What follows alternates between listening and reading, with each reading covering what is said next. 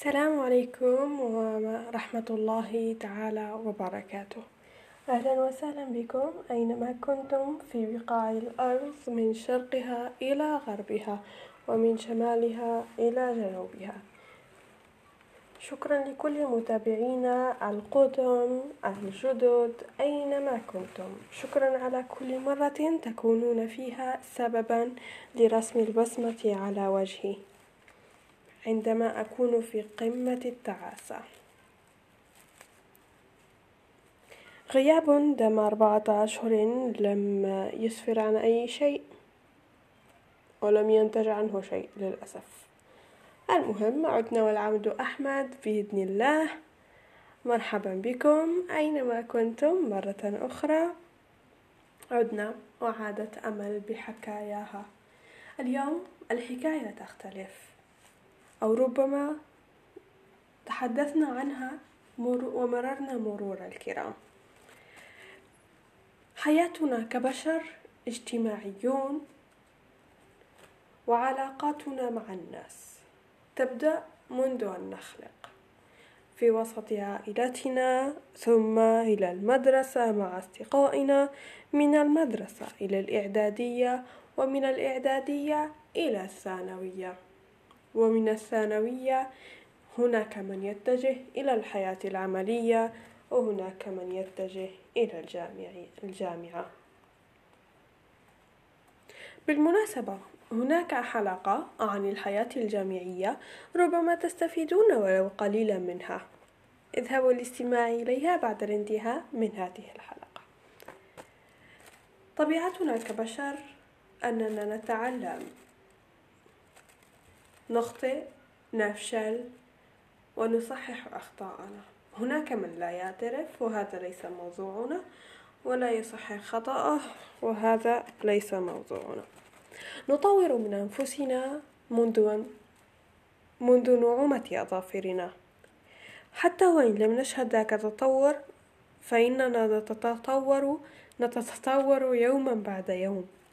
دقيقة بعد أخرى ثانية بعد ثانية. أغلب حياتنا هي علاقات مع الآخرين. هل تساءلتم يوما؟ متى آخر مرة جلستم فيها مع أنفسكم؟ قمتم بتحليل موقف حدث معكم؟ أغلبكم يسمع جلست مع نفسي. لقد قمت بجلسة تأمل مع النفس. تحدثت مع نفسي ساعات وساعات وخرجت بأشياء عدة. سأخبركم طريقة من الطرق التي أقوم بها بما تحت ما يسمى بجلسات مع النفس. هذه الجلسات تراجع ذاتك. إن كنت مخطئا في حق أحد إن كنت مصيبا فتفعل ذاك الفعل مرة أخرى مخطئا تعتذر. آه، أيا كان فعلك أو رد فعلك. الحكاية تبدأ من الابتعاد عن البشر. ليس بصفة دائمة وإنما بصفة مؤقتة. إما قبل النوم هذه الجلسة أو إلى مكان في الطبيعة. نبدأ. بسم الله الرحمن الرحيم. ونبدأ. الموقف الأول. كذا وكذا وكذا وكذا وكذا وكذا وكذا وكذا. مع الشخص الفلاني. يا ترى هل تتحدث ستتحدث مع نفسك بصفة نفسك أم بصفتك الحق الذي يجب أن تعطيه؟ طبعا يجب أن نتجرد من أنفسنا هنا في لحظة نقاشنا مع ذاتنا في لحظة حديثنا مع أنفسنا من أجل تطوير وتحسين الذات بمعنى أن لا نجعل أنفسنا نفسنا مصيبة في حال ما كانت مخطئة. أن نخبر أنفسنا بأننا سنعتذر للإنسان إن وجدنا أنفسنا مخطئين. ولا بأس الاعتذار من شيم الكبار. صعب في البداية لكنه يصبح سهلا. بسم الله نبدأ. سأخبركم ماذا تفعل أمل. هي طريقة قاسية قليلا. طريقتي مع النفس لكنها تأديبية. تساعدني أنا فقط لتستفيدوا وتستنبطوا طريقتكم المناسبة. ثم خذ وطبعا ككل مرة خذوا ما ينفعكم واتركوا ما يضركم. دائما ما أتخذ مكانا إما قبل النوم أو أجلس وحدي فوق سطح البيت. طبعا بيتنا مطل على الطبيعة. مع كأس شاي أو حتى دون كأس شاي أو ك... لا أشرب القهوة.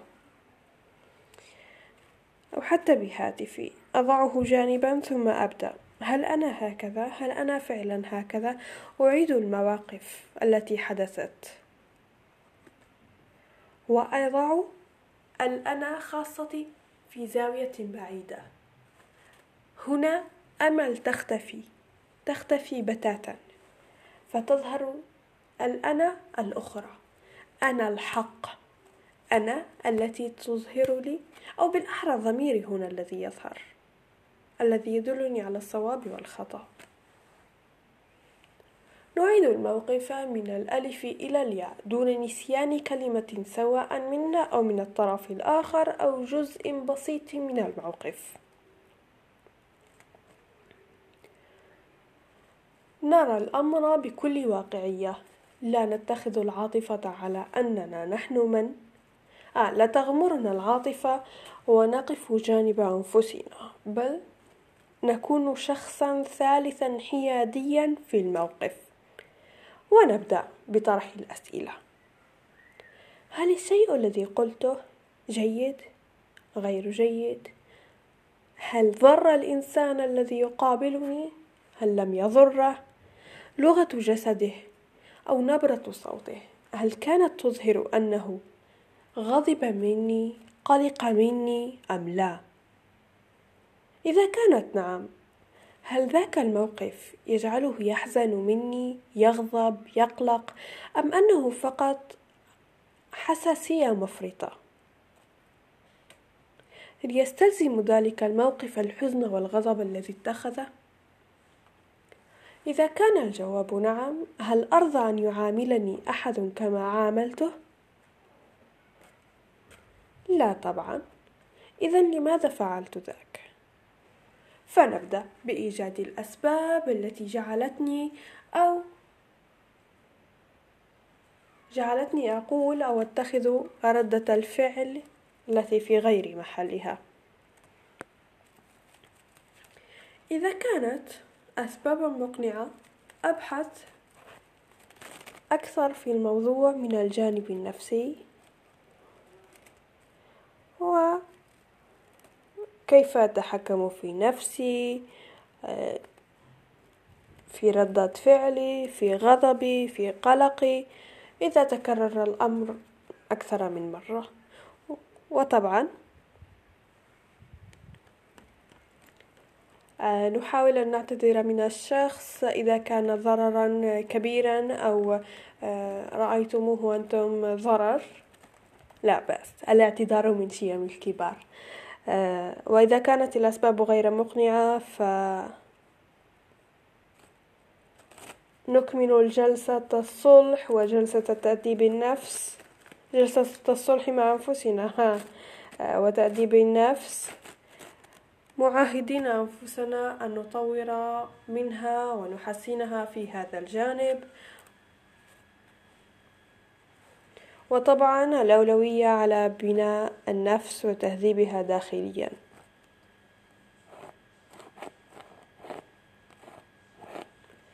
وبقدر ما تعطيها وقتا أكثر تتحسن أحسن نفسك الداخلية.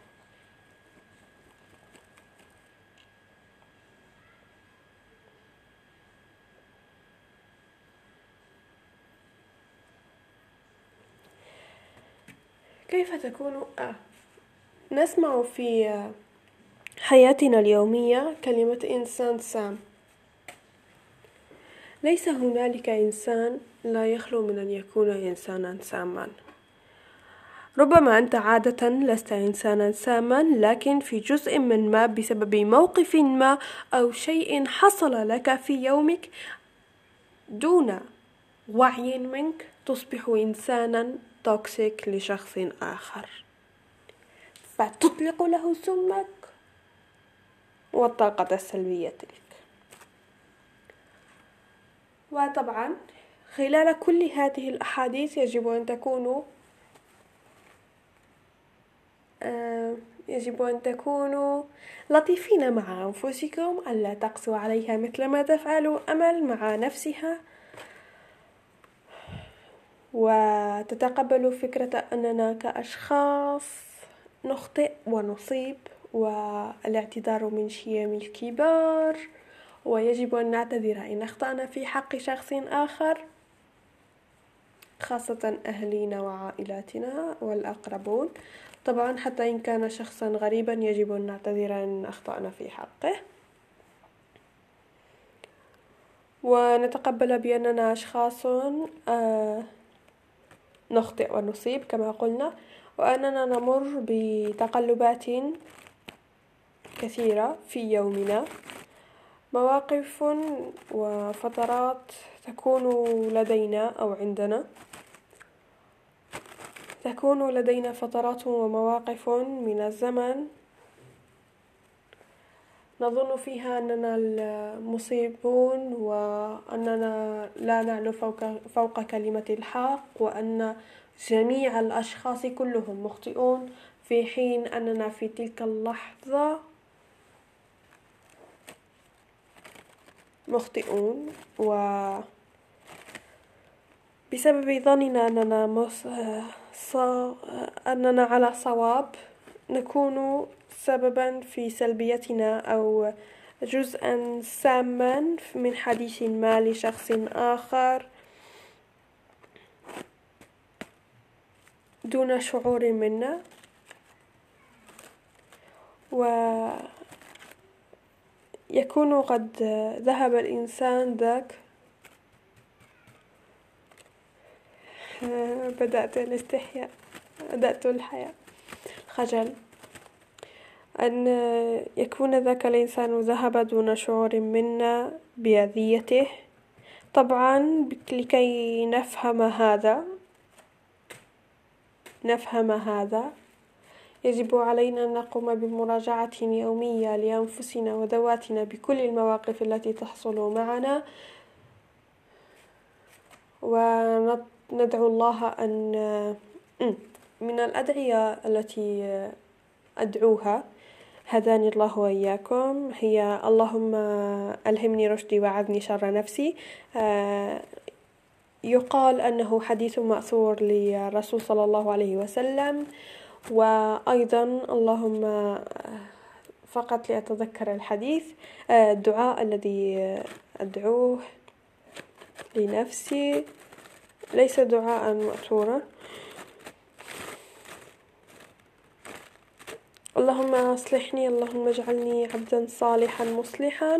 آه لا ليس هذا ليس هذا. المهم أقول فيما معناه. اللهم أصلحني اللهم اجعلني آه أحسن من نفسي أكثر فأكثر. واللهم لا تجعلني ضارة لأحد ولا تجعلني سببا في أذية أحد. أتمنى أن تكون هذه الحلقة ك عربون اعتذار صغير منكم على الغياب الذي طال لمدة أربعة أشهر عيدكم مبارك سواء كان عيد فطر أو عيد أضحى آه، على كافة المسلمين الذين يستمعون إلينا بعد أربعة أشهر آه، من العيد آه، الفطر وعيد الأضحى بعد ما يقارب شهرا يا yeah. المهم بإذن الله سنحسن من أنفسنا ونحاول ألا نتغيب مرة أخرى. يومكم سعيد أينما كنتم. كونوا سعداء دائما وأرسموا البسمة على وجوه الآخرين. السلام عليكم ورحمة الله وبركاته.